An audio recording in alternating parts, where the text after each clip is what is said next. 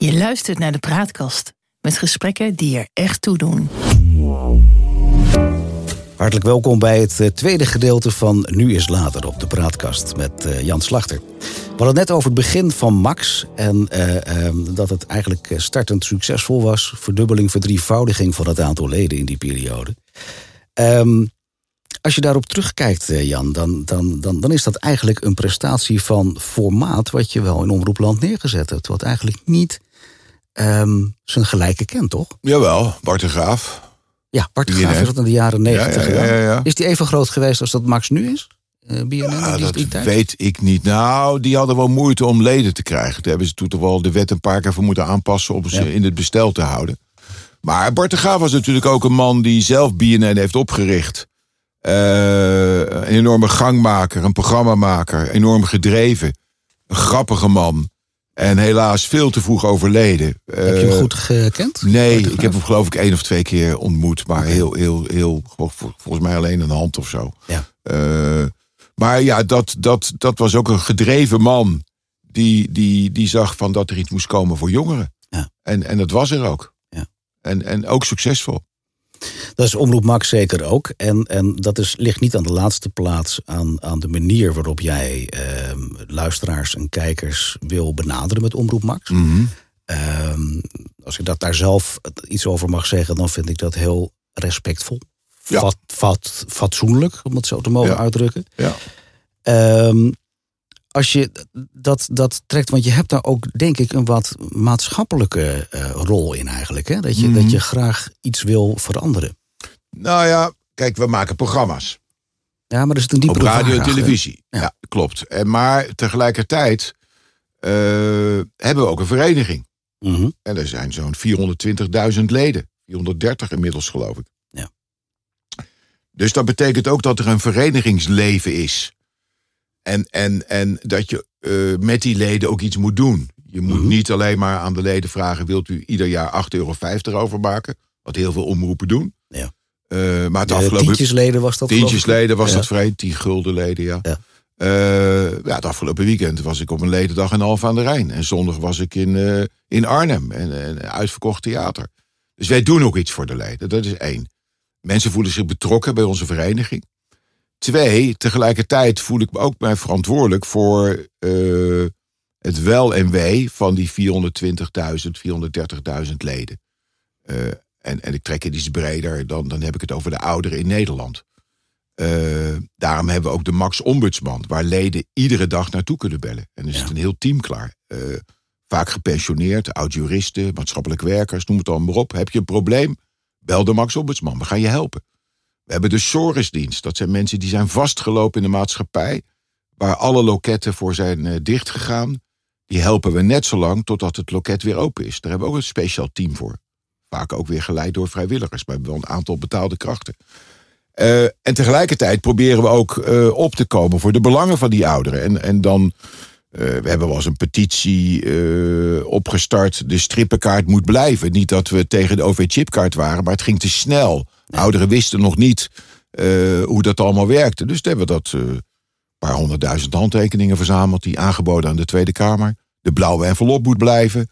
Want heel veel ouderen, of veel, er zijn ouderen... die nog steeds digitaal niet zijn aangesloten. Nee. Uh, en niet weet hoe het allemaal werkt. En, en nou, dat. En nu zijn we weer heel actief uh, met, met een aantal uh, organisaties in Nederland. Om te strijden tegen het pensioenakkoord. Het, het, het nieuwe stelsel wat er dreigt te komen. Waar de Tweede en de Eerste Kamer zich nog wel voor moeten uitspreken. Terwijl wij vinden, we hebben een prachtig pensioenstelsel. Daar kun je het aantal dingen aan veranderen. Onder andere de indexatie en de rekenrente. Ja, ouderen zijn al 15 jaar lang niet geïndexeerd, hebben heel veel geld moeten inleveren.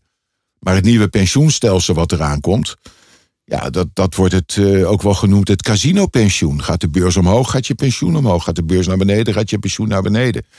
En als je, als, als je kijkt naar ouderen, die willen liever een waardevast pensioen, dat ze weten waar ze op kunnen rekenen, als dat ze iedere keer moeten inleveren en dan er weer iets bij krijgen. En het is een enorme operatie, dat hele nieuwe pensioenakkoord bijna niet uit te voeren. Uh, geleerden zeggen ook niet doen, niet doen. Het is een, het is een monster. Hè? Mhm. Stond, kopte de Telegraaf uh, onlangs.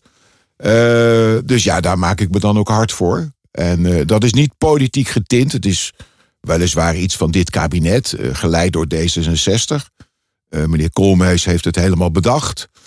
Uh, Kees Schimberger maakte reportages over bij ons. Zwarte Zwanen. Er komen weer twee nieuwe afleveringen aan. En hij interviewde meneer... Je kunt het niet laten. Ja. Nee, maar ja, hij is er ook heel erg mee begaan. En hij interviewde meneer Koolmees. En die vroeg, waar bemoeit die slachter zich mee? Ja, ze kunnen dat niet hebben dat ik me er tegenaan bemoei.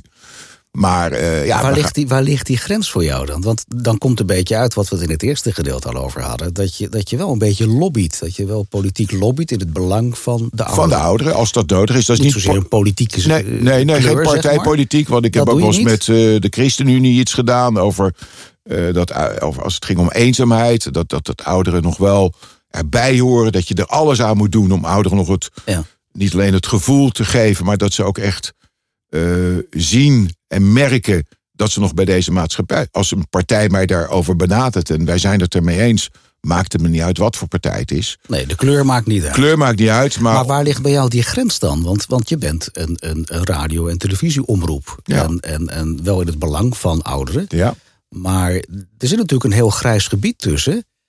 Wanneer je, je hebt het over een, een vereniging waar je, waar je goed luistert naar wat de leden willen. ja, eh, is eigenlijk ook een vorm van een soort ouderenbond dan.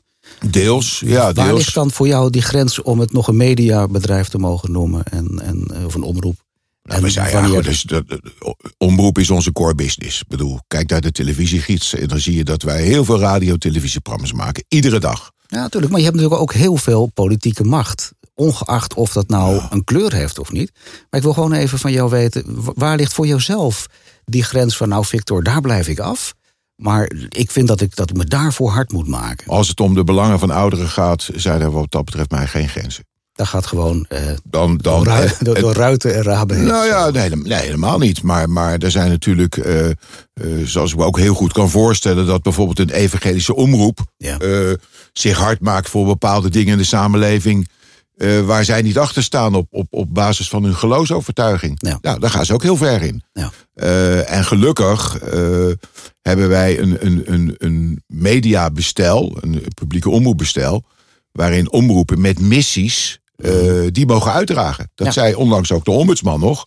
Omroepen mogen een mening hebben. Omroep mogen voor belangen opkomen. Het is gewoon Was net dat naar aanleiding van die naar aanleiding van ongehoord? Ik bedoel, je moet geen onzin verkopen. Maar dus daar, daar ben ik heel blij mee dat wij op basis van, van eh, het bestel wat we nu hebben, externe pluriformiteit, dat wij dit mogen zeggen. Binnen die kaders mag je daarin Daar mag ik alles over roepen en zeggen wat ik wil. Daar schrijven we over eh, in ons Max Magazine. Daar maken we programma's over. En, eh, en als we daarmee de politiek kunnen beïnvloeden... dat is meer dan opkomen voor die belangen... Ja. Ja, ja dan zullen we dat zeker doen. Ja. Maar je vertelde er straks ook dat je heel veel eh, eh, organisaties binnen Omroep Max hebt. eh, die, die ouderen helpen. Daar heb je allerlei eh, kleine organisaties voor. Je vertelde net iets over de stripkaart. Ook over dat De Max Ombudsman bedoel je? Max Ombudsman. Ja. Maar daarvoor zijn nog een aantal eh, dingen. Dat mensen kunnen bellen. Als, Ja, dat is allemaal de Max Ombudsman. En de Zorgsdienst is ook de Max Ombudsman. dat is ook de Dus Max onderdeel van... eh, ja.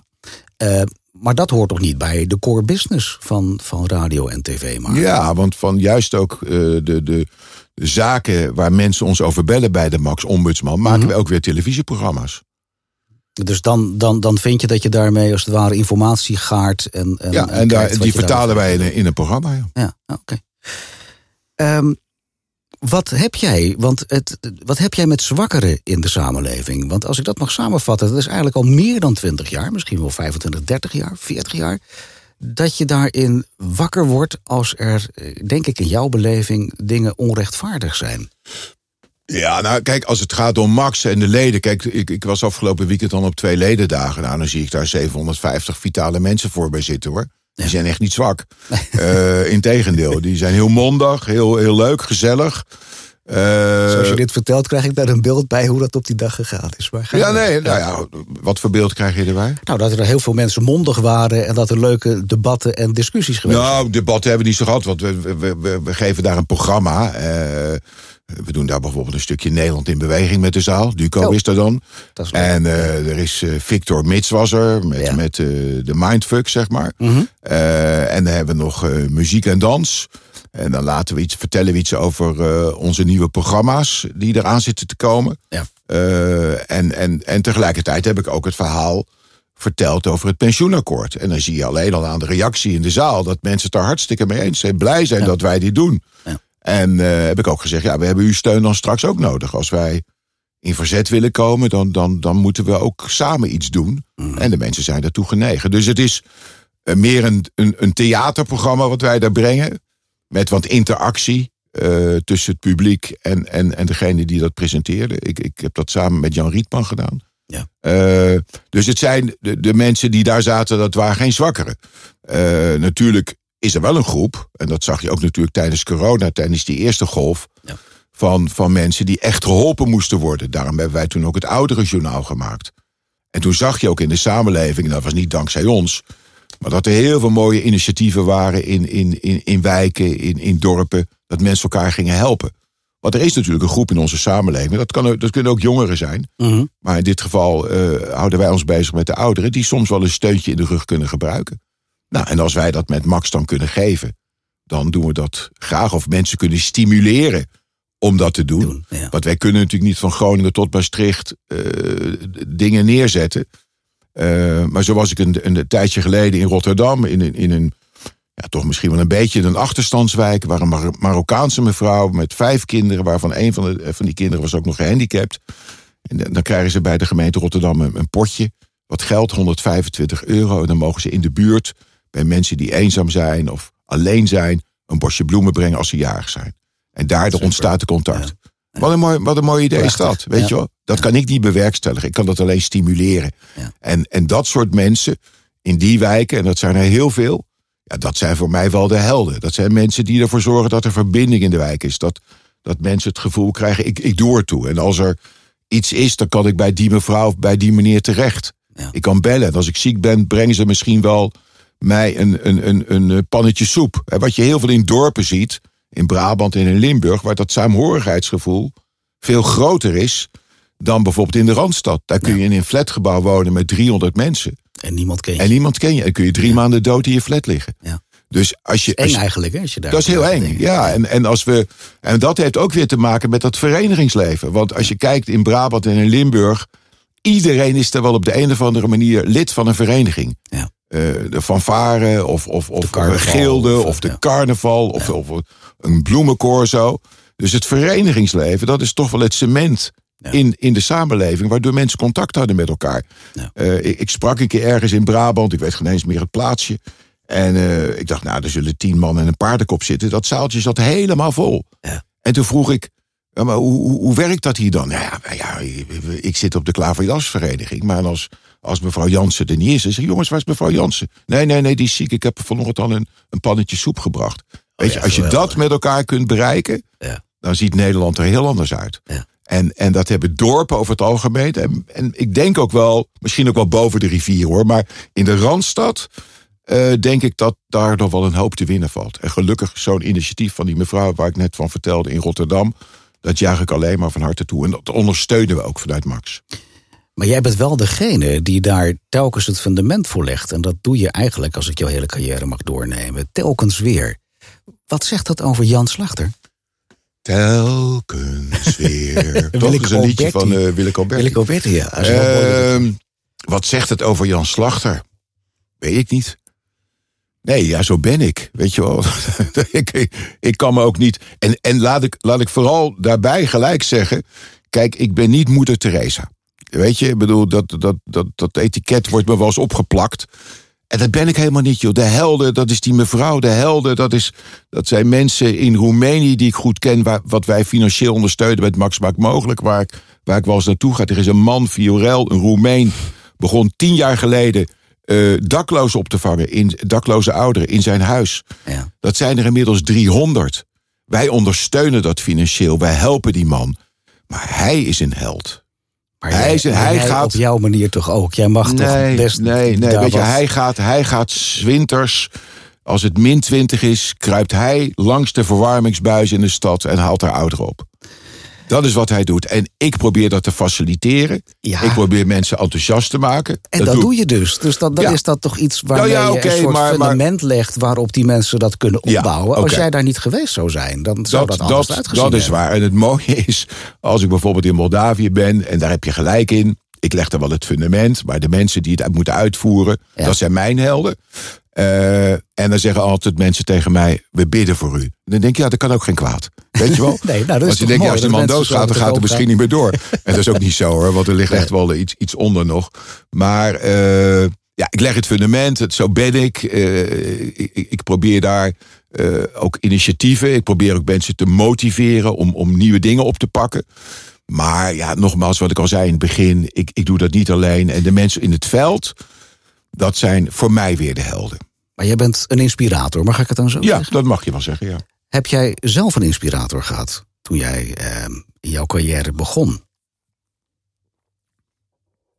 Nee, ik weet wel dat ik als kind ooit een boek heb gelezen van Albert Schweitzer. Albert Schweitzer was een, eh, een dokter, Ja, die, die, die- had hij de een zendeling. eh, penicilline ontdekt of zo? Wat was dat? nee, nee, nee. Albert Schweitzer die, die was in, in, eh, in, in, in eh, Afrika werkzaam. Hij, hij, hij, hij, eh, vanwege zijn opleiding als dokter hielp hij daar mensen.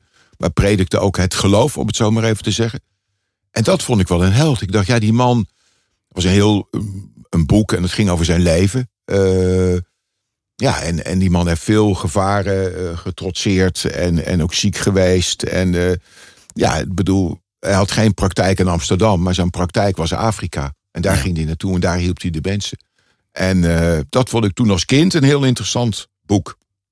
Juist om wat hij deed. Juist omdat hij Wat hij deed, dat de hij wereld huis en haard had verlaten Ja. om mensen te gaan helpen.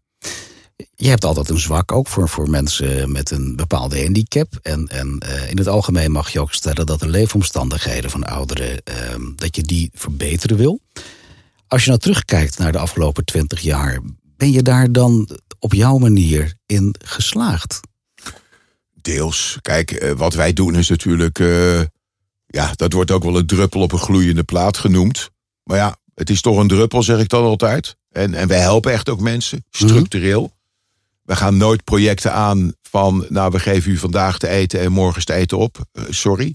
Ja. We hebben een gaarkeuken bijvoorbeeld in Chisinau, de hoofdstad van Moldavië, waar honderden ouderen iedere dag een maaltijd komen halen. En dat kan ik garanderen voor de komende jaren dat we dat blijven doen. We hebben Ja. daar het geld voor. Dat reserveren we ook. Eh, we hebben wat bereikt met onze winterhulp in, in bepaalde landen, zoals Roemenië, maar met name ook Moldavië. Waar we eh, gedurende de winter ouderen kolen geven, hout, dekens, hun huisjes tochtvrij maken, hun kacheltjes repareren. Ja, en als dan een, een, een, een directeur van een ziekenhuis tegen mij zegt, een paar jaar geleden, sinds jullie dit doen, hebben wij geen beenamputaties meer. Hebben geen, vinden we niet meer mensen dood in hun huis omdat ze zijn doodgevroren. Ja, dat, dat is wel wat we hebben bereikt, ja. Wat doet Met- dat met jou als jij dat zo hoort? Ja, dan ben ik ons hartstikke blij. En dan denk ik, ja, dit moeten we nog meer doen. En dan ben ik de kijker blij. eh, de donateurs van de Stichting Max Bank mogelijk ben ik dankbaar eh, dat zij geld geven dat ik dit kan doen. Want het gaat echt om heel veel geld. Wat we dan investeren in wat absoluut niet duurzaam is. Slecht voor het klimaat, kolen en hout. Ja, Ja. Maar, maar er is geen is centrale verwarming. Nee. Dus dan is het eh, kiezen tussen twee kwaden. Eh, en dan liever dit dan dat mensen doodvriezen. Ja, maar als je zoiets letterlijk hoort, want jij gaat er heel vaak heen, Ja. daar zie je ook de omstandigheden waar wij ons eigenlijk in Nederland geen voorstelling van kunnen maken. Nee. Ehm, maar als, als je daar dan gewoon letterlijk als mens Jan Slachter staat en je krijgt zo'n opmerking te horen, ja, dan, dan ben je toch degene die die steen verlegd heeft. Ja, die, ja, maar ja, die dat- rivier, zeg maar. alleen maar weer, ik blijf het zeggen. Ik heb het wel geroepen. Ik vraag aan mensen: stort uw bijdrage op, eh, de, op, op het rekeningnummer van de stichting. Ja. Maar de, als de mensen dat niet doen, dan kan ik sjouwen aan die steen wat ik wil, maar dan krijg ik hem niet, niet weg. En omdat mensen geld geven, omdat mensen vertrouwen in ons hebben, en eh, kunnen wij dat hout geven? Kunnen we die kolen geven? Ja. En dan ben ik ontzettend blij. Ja, inderdaad. En als ik dan eh, bij zo'n huisje ben, want we laten ook altijd zien, en daar gaan heel veel goede doelen mak aan. eh, eh, als ik zie wat, wa- waar, waar ik geweest ben en dat huisje dat stort er beide in. We hebben dat helemaal gerenoveerd. We hebben er ramen in gezet. Er zit geen plastic meer in. Mevrouw heeft een goed kacheltje. En het is lekker warm als je er binnenkomt. Ja. Eh, ja, dan, dan word ik alleen maar vrolijk. Ik was bij een lerares. De vrouw is 88. Die kwam ik tegen in, in, bij de gaarkeuken in Chisinau. Ja. Gepensioneerd. Ja. Moet rondkomen van 30 euro per maand. Ja. Dat kan zij niet. Haar huisje, dat was een drama. Een drama. Hoe kan iemand hier leven? Dat hebben we gefilmd. Eh, zes maanden daarna ben ik teruggegaan. En ze woont nu in een klein paleisje, om het zo maar even te Ja. zeggen. Zegt ze, dit is het mooiste huis wat ik ooit heb gehad. Dat ik dit nog mag meemaken. Ja, en weet je wel, en dan, eh, dan, heb, dan heb ik zoiets. Ja, dankzij die kijker hebben we dit kunnen realiseren. En eh, hebben we het, het, het, het, het, het leven van die vrouw ja, veraangenaamd. En, en eh, ja, da- dan ben ik, Ik zie ook aan je dat, dat dit je wat doet. Hè? Dat je echt eigenlijk vindt dat je, dat, dat je er hiervoor bent. Dat je Daarvoor, ja, nou, deels, weet je wel. We zijn natuurlijk eh, eh, op de aarde om elkaar te helpen, nietwaar? Ja, weet je wel? En dat is ook weer een liedje. Ja. Eh, het is allemaal niet zo moeilijk voor mensen. om nee, maar dat, dat is het natuurlijk wel. Weet je wel? En dan heb ik natuurlijk helemaal geen klagen. Ik heb een hartstikke goed leven. Ik heb een goed salaris. Mijn huis is warm. Eh, ik kan boodschappen doen. Ja. Maar ja, probeer toch altijd wel oog te houden voor mensen die het minder hebben. En probeer die ook te helpen. Dat is mijn motto. Dankjewel voor dit tweede gedeelte. Tot zometeen in deel 3.